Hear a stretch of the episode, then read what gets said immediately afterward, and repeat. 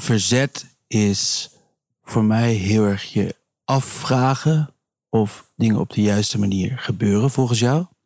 En dan vervolgens bepalen of dat zo is. En je dan vervolgens tegen iets kunnen verzetten. Want verzet is ook niet altijd mogelijk. Dat bedenk ik me soms in, in, hier in, in Nederland kunnen we ons allemaal verzetten. En kan dat bijvoorbeeld ook voor het klimaat. Maar bij sommige mensen gaat het veel meer om eten. Al veel fundamentelere dingen, zeg maar. Klimaat is ook fundamenteel, maar je snapt wat ik bedoel. Uh, dus dat is verzet voor mij. Verzet is voor mij, denk ik, dat je het ergens niet mee eens bent. En dat kan van alles en nog wat zijn, maar dat je er ook een actie aan verbindt. Dat je ergens tegen ingaat en daar dus echt iets op, dat je op handelt.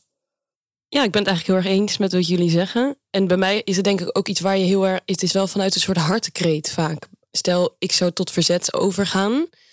Dan gaat het volgens mij over iets waar je helemaal in je hele binnenste voor staat en waar je voor op moet komen of zo. En dat iemand dat tegenwerkt, waar je het echt helemaal in je hele hebben en houden niet mee eens bent. Hoe blijf je drijven als je niet kunt zwemmen?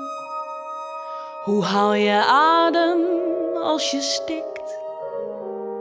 Ieder mens kan zich verzetten, maar een mens is nooit een held alleen. Welkom bij de bonusaflevering van In Verzet. Ik zit hier met Maktoep, dat zijn Rowan de Vos en Lise Knapen, en met schrijver Meerte Levering. Zij hebben de soundtrack van deze podcastserie gemaakt en ik wilde heel graag met ze in gesprek over hoe ze daartoe gekomen zijn. Lisse, jij kreeg op een gegeven moment de vraag om een soundtrack bij deze podcastserie te maken. Wat was je eerste reactie? Uh, ja.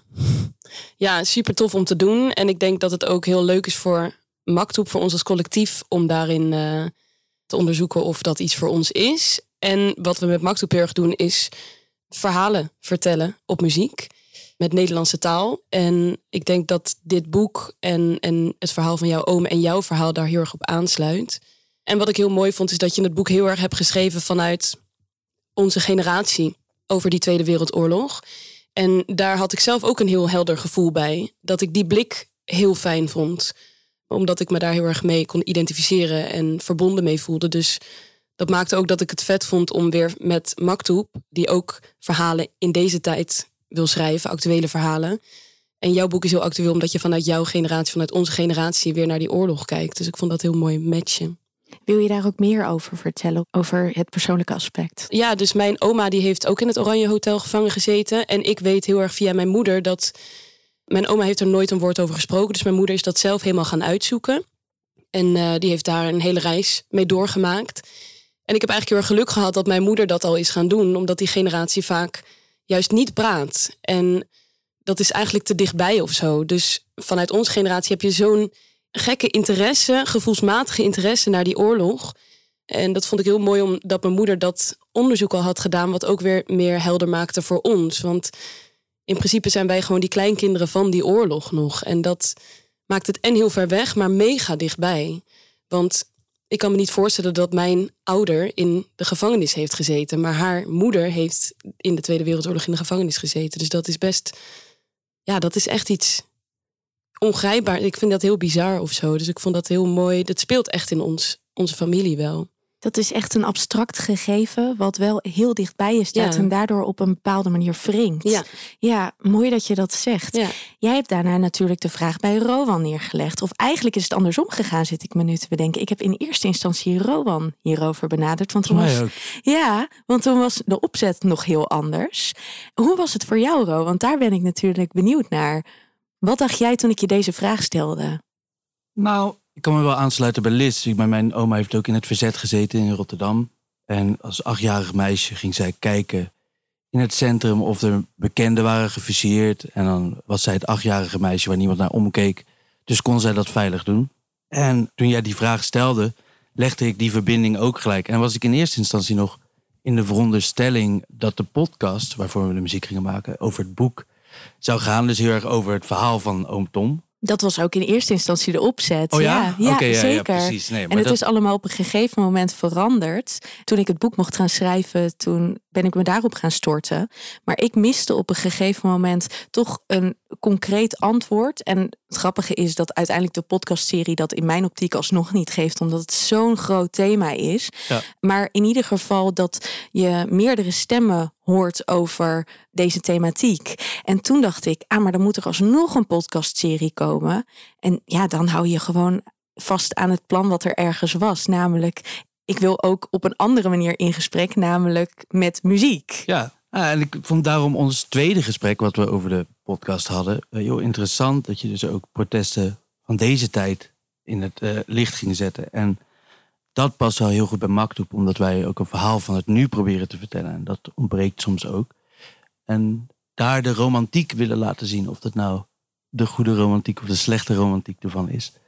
Dat laten we een beetje in het midden, maar dat vond ik wel heel erg goed aansluiten bij wat jij deed. En daarom was ik heel enthousiast toen je mij vroeg. Nou, dat was voor mij ook een van de redenen natuurlijk. Ik heb altijd het idee, jullie zijn een genre aan het upcyclen. En dat vind ik heel mooi, want dit gaat natuurlijk ook over geschiedenis. Dus dit, dit mag ook op een bepaalde manier naar het nu getrokken worden, zeker in de muziek. Als je muziek gaat schrijven voor een soundtrack, jullie zijn natuurlijk muzikanten, jullie zijn zowel componisten als uitvoerders. Maar jullie zeiden al vrij snel tegen mij: het is ook belangrijk om er een tekstschrijver bij te betrekken. En dat is natuurlijk Meerte geworden. Kan een van jullie mij vertellen waarom? En natuurlijk ook waarom Meerte? Nou, volgens mij is het zo gegaan dat we elkaar belden en dat we allebei bijna tegelijk zeiden: volgens mij moet Meerte dat doen. Daar is nooit een gesprek over geweest. Dat was gewoon volgens mij vrij helder meteen. En dat was denk ik voor mij heel gevoelsmatig, denk ik. Nou, ze had voor ons programma in eh vorig jaar had ze een liedje geschreven, Ogen glas. En, het dat programma was Café. Café dat is Hello, goed om te dat we zeggen. met Maktoep eh, eh, hebben gemaakt. En dat liedje, daar had ik altijd al een soort oorlogsbeeld bij. Ja. Dat was heel sterk. En, dat, en dat, dat, het beeld erbij was ook gelijk vanaf de eerste keer dat we het lazen, was het heel helder, zeg maar. En volgens mij kwam daar ons eh, Ja. gevoel vandaan, toch? De Ja. sfeer was er dus al. Ja, en ook de gevoeligheid waarmee Meerte kan schrijven in combinatie met het onderzoek wat jij doet. Dus, en daar ben ik nu ook echt tevreden over nu ik de eerste aflevering heb gehoord.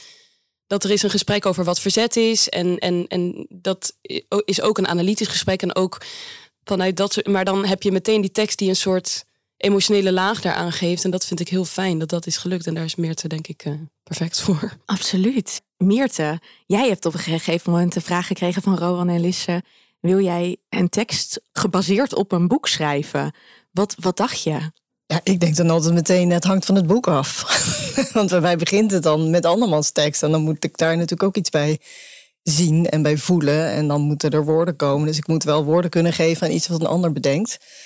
Maar ik kreeg al heel snel kreeg ik het manuscript eh, doorgestuurd. En eh, echt, ik denk dat ik binnen een uur ben gaan lezen. Omdat ik dacht, nou, er zit enige eh, haast bij. Dus ik begrijp dat er natuurlijk podcast moet worden opgenomen. Maar dat er ook voor muzikanten natuurlijk een soort aanloop en een compositietijd aan zit. Je kunt niet een soort van, ja, dat denken mensen soms, dat je iets maakt en dat het gewoon vloep zo helemaal vanzelf bij een soort, Een soort van wonder. toverkunst. Ja, dat je een soort van magisch wonder bent. Je zegt, uh, muziek en uh, liedje, ja, nee, doen we morgen klaar. Dat, zo gaat het natuurlijk niet. Dus ik ben echt gewoon begonnen het boek te lezen al lezende probeer ik dan niet alleen, zeg maar, want ik werd meteen eigenlijk behoorlijk door het verhaal gegrepen.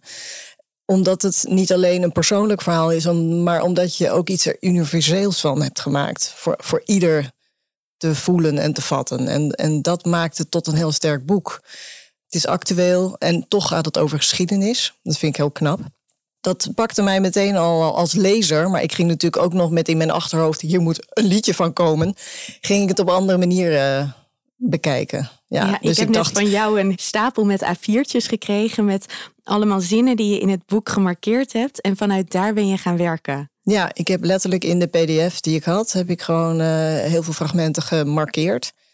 En die heb ik daarna vervolgens allemaal gekopieerd in een apart bestandje. Want ik dacht, nou ja, dit is mijn materiaal.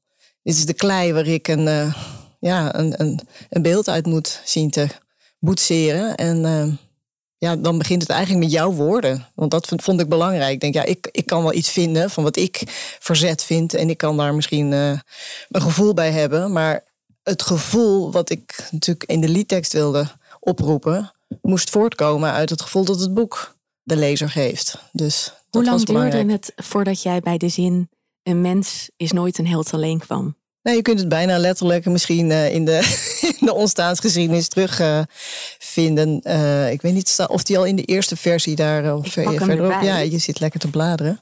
Geen mens is held alleen. Dus dat, daar is het mee begonnen. Ja, dus ik denk dat ik daar al heel erg op aansloeg, omdat dat natuurlijk uit het boek ook blijkt. Dat je, je blijft een mens. Dus ook al doe je nobele en uh, prachtige dingen, ook voor anderen, je bent ook zelf nog iemand. Dus je hebt eigen belangen en je hebt eigen gevoelens of angsten. Dus je bent ten eerste niet alleen maar uh, een held. Maar ik vond ook mooi dubbelzinnig dat je nooit een held alleen bent. Je hebt anderen nodig om een held te kunnen zijn. Nou, daar was ik wel mee in mijn nopjes toen ik dat gevonden had. Nou, dat mag ook wel. Ik was ook heel erg in mijn nopjes toen ik dat doorgestuurd kreeg. Toen dacht ik, ja, dit is zo de kern van wat ik wil zeggen. En dat is heel fijn als iemand anders dat eruit haalt. Want ik vond het natuurlijk ook heel spannend. Voor mij was het ook van, nou, ik schrijf voor het eerst een boek. En dat gaat meteen naar een ervaren schrijver. En oh, oh, oh, wat zou iemand ervan vinden? En nou ja, als ik dit dan terugkrijg. Ik was heel gelukkig. Ik was heel erg, ja, je hebt voor mij echt de kern eruit gehaald van wat ik wilde vertellen. En wat ik heel mooi vond in het maken van de podcast, is dat bij alle interviews dit ook weer naar boven kwam. Bij de een op, een, op de ene manier en bij de andere op de andere manier. Maar uiteindelijk is het ook weer zo de kern van de podcast geworden. En dat voor mij voelt het heel erg alsof de cirkel rond is daarin. En daar ben ik heel gelukkig mee. Maar ik ga weer eventjes terug ook naar Maktub. Want Rowan, toen jij de tekst kreeg, of tenminste waarschijnlijk de eerste versie, kijk even naar Meerte. Heb je de eerste versie meteen opgestuurd? Ja, ja, we hadden afgesproken dat ik gewoon, gewoon zou delen wat ik had bedacht. Uh, en dat, nou ja, daar neem ik ze dan maar een beetje in mee, uh, vertrouwende op hoe we dat eerder deden. Niet een soort kant-en-klaar iets, want dat gaat bij, bijna nooit. Dat moet een beetje groeien, dus dan geef ik iets uh, ja, over en dan wacht ik af. kijken wat er gebeurt, ja. En wat gebeurde er? Nou, creëren is voor mij heel intuïtief. Dus dan krijg ik zo'n tekst en dan lees ik het. En dat doe ik samen met Lisse. En Lisse is dan inhoudelijk vaak kritischer. En ik kijk vaak naar de melodie en het ritme van de tekst. En dan kijken hoe gaan we, gaan we dit in een vormtje gieten. En wat er als eerste gebeurde bij het creëren... is dat ik heel erg een opstapeling van vragen hoorde. Toen dacht ik, dat is mooi. Dus dan moeten we in de muziek eigenlijk die opstapeling laten horen. Dat iets heel erg herhalend is en steeds meer wordt dat hebben we geprobeerd. En toen hadden we een eerste versie en die hebben we ook direct opgestuurd. Zo van, kijk, we hebben een versie. Dat was niet zo heel veel later eigenlijk. En toen liepen wij een, nou, laten we zeggen, halve week met die eerste versie rond. En toen hadden we eigenlijk zoiets van, hij valt nog niet helemaal op zijn plek. Er ontbreekt nog wat. En Meerte stuurde ook eigenlijk de, precies de dingen terug die wij ook een beetje voelden. En toen zijn we er wat langer over na gaan denken. En toen kwamen we er eigenlijk, tenminste, ik weet niet of dat wij is, maar ik kwam er vooral op uit dat ik een bepaalde eenzaamheid miste in het liedje. Een bepaalde stilte. Melancholie. Ja, een bepaalde melancholie misschien ook, ja. Het was eigenlijk op een bepaalde manier te vrolijk, vond ik. Ja, want dat is misschien wel goed om te zeggen. In het begin, toen wij met z'n drieën zaten, zochten jullie ook best wel naar een anthem eigenlijk. Dus echt een, een soort van strijdlied. En dat was natuurlijk in het kader van deze thematiek was dat heel logisch. En jullie vroegen ook aan mij van wat is dan jouw strijdlied in het leven? en ik vind het dan heel leuk om te zien hoe dit zich ontwikkeld heeft. Maar ik kan me dus voorstellen. ingang voor die muziek. Precies, dat dat in de eerste een versie. te proberen te schrijven. En wanneer probeert iemand nou een anthem te schrijven? Weet je, dit, dat ontstaat toch gewoon. Dat, is een, dat gebeurt andersom. Ja, er moest ook een trompet in. Ja, daar hebben we het inderdaad. Daar hebben we het over gehad. Uh, die is er nooit gekomen. Dat klinkt alsof jij het daar niet mee eens was. Jawel, jawel, oh, juist wel. jawel, jawel, wel. Ja. ontzettend leuke appwisseling op een gegeven moment. Er moet ook een trompet in, met zo'n kapitalen ja, zelfs. De trompet was, uh, ja. Hadden we ook een soort van beloofd. Maar dat was toen wist ik ook allemaal helemaal niet. Nee, maar het was toen nog ook in een soort stadium van bijna Mars. Uh, er moest een soort Mars zijn. Dus ja, dan is een trompet natuurlijk... Uh, Hij bleef te oppervlakkig naar mijn uh, idee. En, het was ook een te eh, bedacht idee, denk ik. Want wat jij ook zegt, dat je intuïtief werkt. Dit was natuurlijk van tevoren bedacht wat vet zou kunnen zijn. En dat is hetzelfde gebeurd bij de tekst. Dus dat is wel mooi dat dat dan samen opgaat. Want de tekst was ook in eerste instantie te bedacht. Te conceptueel. Nee, nee eigenlijk Of meer niet? te, te geconstrueerd. Het was te duidelijk een soort, ik wil een liedje zijn. Ik ben eigenlijk natuurlijk een dichter van nature. Dus ik schrijf eigenlijk liever een gedicht. En dan moet een muzikant maar het uitzoeken met zijn ritme en zijn melodie. En dat gebeurt vaker. En dan natuurlijk met een beetje aanpassingen. En dan wordt wel eens gevraagd, ja, mag, mag dit eruit? Ehm, er staat er gewoon drie woorden te veel. Mogen die er ook uit? Vind je het goed dat we dit omdraaien? wij nooit. eh, Jawel, wij zijn zo jawel. niet. Zo zijn jullie ook. En dat is ook heel goed, want zo is het een samenwerking. En dan komt het uiteindelijk heel erg goed. En daar heb ik dan ook altijd eh, vertrouwen in gehad. Omdat ik dacht in het begin, oh, ik was zo aan het worstelen en zo aan het zoeken. Want er was heel veel. Er was bijna te veel. Om, nou, je ziet het aan al die A4'tjes die daar liggen.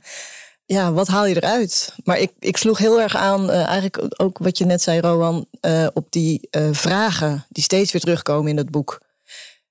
Dus het lag ook wel voor de hand om dan in vragende vorm een aantal regels te gaan schrijven. En Lisse die merkte op een gegeven moment aldoende op dat het goed zou zijn om er iets meer beeld, iets meer metafoor in te brengen.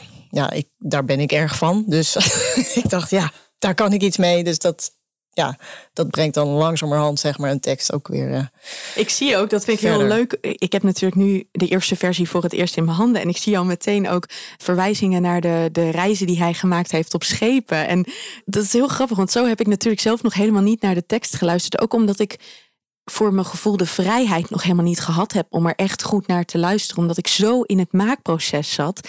En als ik dit, nou, ik, ik vind het fantastisch om dit nu te krijgen, dit stapeltje A4'tjes. En ik ga hier echt eventjes lekker kijken van wat heeft iemand er nou uitgehaald. En als ik dat dan zie, dan denk ik, oh ja, wat leuk. En dan snap ik heel goed dat op een gegeven moment dat proces naar die metaforen ontstaan is. En ook hoe dat dan ontstaan is. Echt, ehm, echt nou leuk ja, om ik dit te vind het bijvoorbeeld geweldig om te lezen. En dan, daar ben je misschien nog dan niet eens zo van bewust, omdat dat maar een detail is in het verhaal. Maar dat iemand die scheepvaartbouw, eh, hè, dat dat zijn vak is. En dat, dat die gewoon hartstikke ziek wordt op zee en zeebenen heeft. En weet je wel, dan denk ik, wauw, dat, is, dat, dat spreekt heel erg tot mijn verbeelding als schrijver. Dus Ja, dat Ja. snap ik heel goed. En ik- voor mij was het bijvoorbeeld het stukje dat hij eh, echt op, van jongs af aan, toen hij 16 was en voor het eerst op een schip zat, al bij de Marconisten zat. En dat hij dan uiteindelijk juist in de oorlog geprobeerd heeft om da, ja, een, een, een zendingssysteem te, te bouwen. Ja, dat, dat, Ja. er zitten zoveel van dat soort dingetjes in. Maar dat zit al in het verhaal. Dat heb ik niet eens hoeven verzinnen. nou ja, alleen maar goed, alleen maar fijn. Ja. En wat dus interessant is, ook als, je, als ik nu over de tekst hoor, Mhm. is dus hoe langer je hierover nadenkt, over het, eh, ook de vraag wanneer is een held een held, dat je eigenlijk met een anthem zou je heel erg aan de oppervlakte blijven. Ja, dan Terwijl- stimuleer je juist eigenlijk het stereotype beeld van een held. Precies, En de terwijl als je ja. er dus wat Ja. langer bij stilstaat, wordt het dus veel eenzamer. En veel meer stilte. En ik vind het ook wel weer grappig als je dan, dat denk ik nu aan, het is bijna hetzelfde als een soort artiest. Zeg maar als een soort eh, superster. Zeg maar, daar heb je ook zo'n stereotype van, kijk, iedereen houdt, hem, houdt van hem. En hij heeft iedereen, kan iedereen naar zich toe Het trekken. is Vincent van Gogh. Maar uiteindelijk ja. is het eh, een heel eenzaam beroep. En sta je een soort van los van de mensheid. En dat is ook met, eh, met een held zo. Dus dat, ja, dat dat toch wel, dat dat dan de diepgang misschien is van het thema wanneer is een held een held. Ja, het gaat niet over het vieren van iets. Want natuurlijk, als je erop terugkijkt, dan ehm, is, het, is het heel bijzonder wat hij gedurfd heeft. Alleen, hij heeft natuurlijk veel meer kanten. Eh, tenminste, hij had veel meer kanten. Die, waar ik ook niet bekend mee was, wat het onderzoek mij opgeleverd heeft om, dat, om daarachter te komen, om een beetje kennis te maken met wie, wie was hij nou eigenlijk? Was die man die ik altijd voor een held hield? Maar ook, hij heeft zelf nooit geweten dat hij iets gedaan heeft wat heldhaftig was. Want hij weet niet hoe de geschiedenis gelopen heeft. Dat heeft, hij, eh, dat heeft hij nooit geweten. En uiteindelijk zeggen wij met de ogen van nu van... ja, maar ja, de mensen die destijds in verzet zijn gekomen... die stonden aan de goede kant. Maar dat wist hij niet. Dus dat hele heldendom is überhaupt vermoedelijk langs hem heen gegaan, denk ik dan. En ja, dat, dat is voor mij wel een van de kernboodschappen die ik over wilde brengen. En dat, is, dat komt in die ene zin zo mooi terug. Ja. Want dan ga ik even naar Lies van... Een mens is nooit een held alleen. Wat betekent dat voor jou? Nou, ik vond het wel mooi wat Meerte net zei, dat, het, dat je het woordje alleen er ook in hebt. Dus dat, je, dus dat het gaat letterlijk over dat je heel eenzaam kan zijn, maar dat je ook het niet in je eentje kan doen. En dat er heel veel identiteit achter een held zit. En dat het ook, als je dat gaat uitpluizen, het toegankelijker maakt om iemand te leren kennen.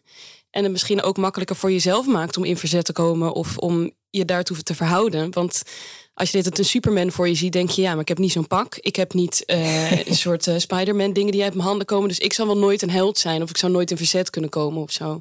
Terwijl als je er een mens van maakt die ook gewoon daarin zoekende was of ook maar iets deed of zo, dan kan je nog wel eens voorstellen dat jij misschien ook ooit in verzet zou mogen of kunnen komen. Misschien dat. Dan is het weer, zit je weer bij de basis wat jij zei, dat emotionele aspect. Je voelt dat je in verzet moet komen. Ja, ja. ja. Want ons doel met de podcastserie, tenminste als ik naar mezelf kijk, is ook nooit geweest om te zeggen, je moet nu in verzet komen. Nee. Dat ligt echt bij iemand zelf. Het is echt, dat is ook iets als ik terugkijk naar de interviews, wat ik heel sterk voelde, dat de mensen die in verzet komen, echt een noodzaak voelen. En daar kunnen wij met z'n allen iets van vinden, maar die noodzaak die is er. Ja. En als jij dit zo zegt, dan denk ik, ah ja, dan kom je daar dus terug Ja. op die noodzaak. Ja, ja.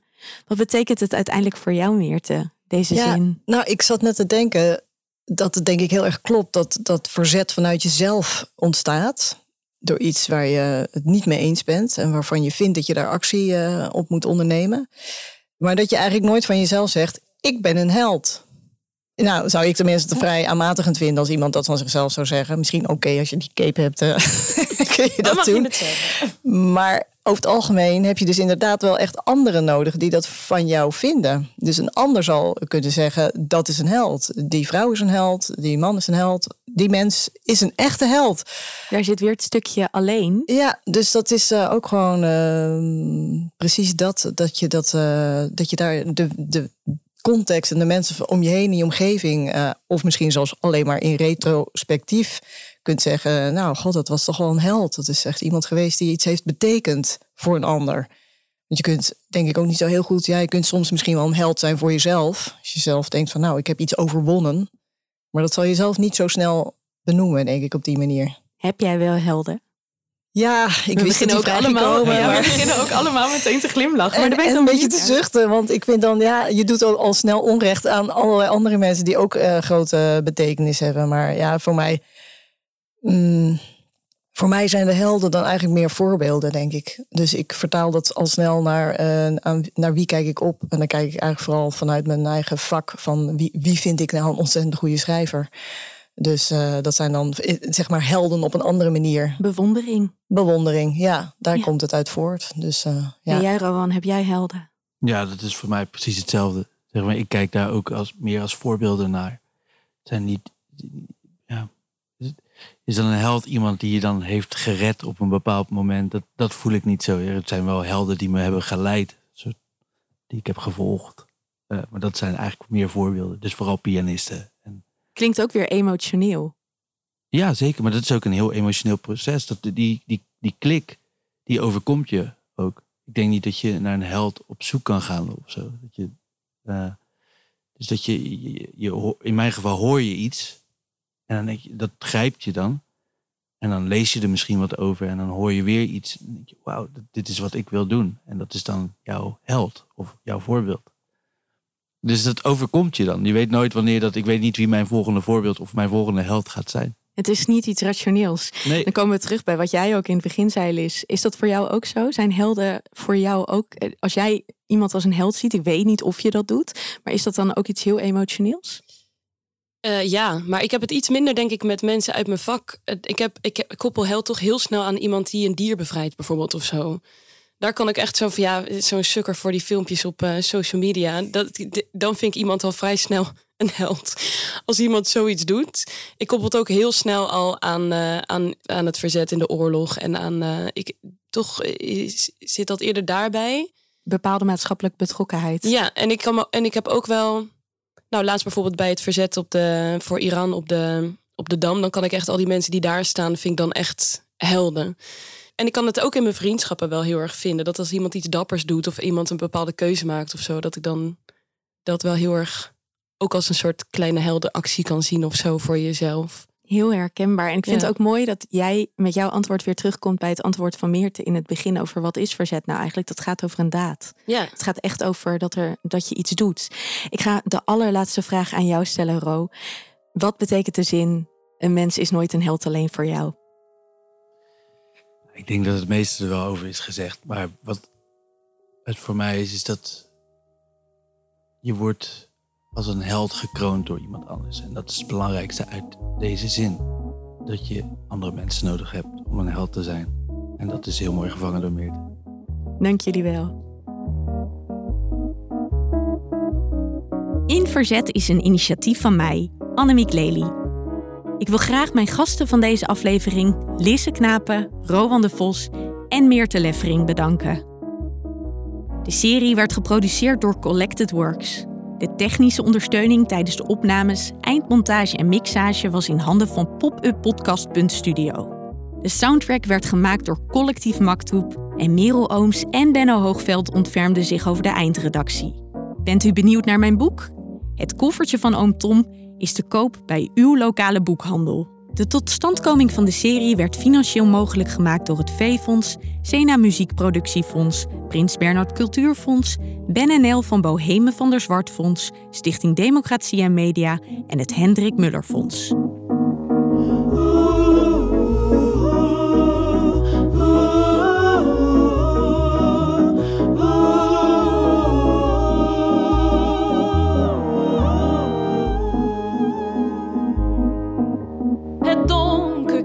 Tussen je schouders.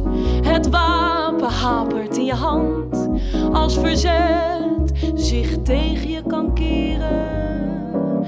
Wat is dan de goede kant? Knaag aan je geweten tot je de juiste vragen stelt. Knaag tot op het bot, tot op het been. In ieder mens schuilt wel een held. Nooit een held alleen. Een mens is nooit een held alleen. Een mens is nooit een held alleen.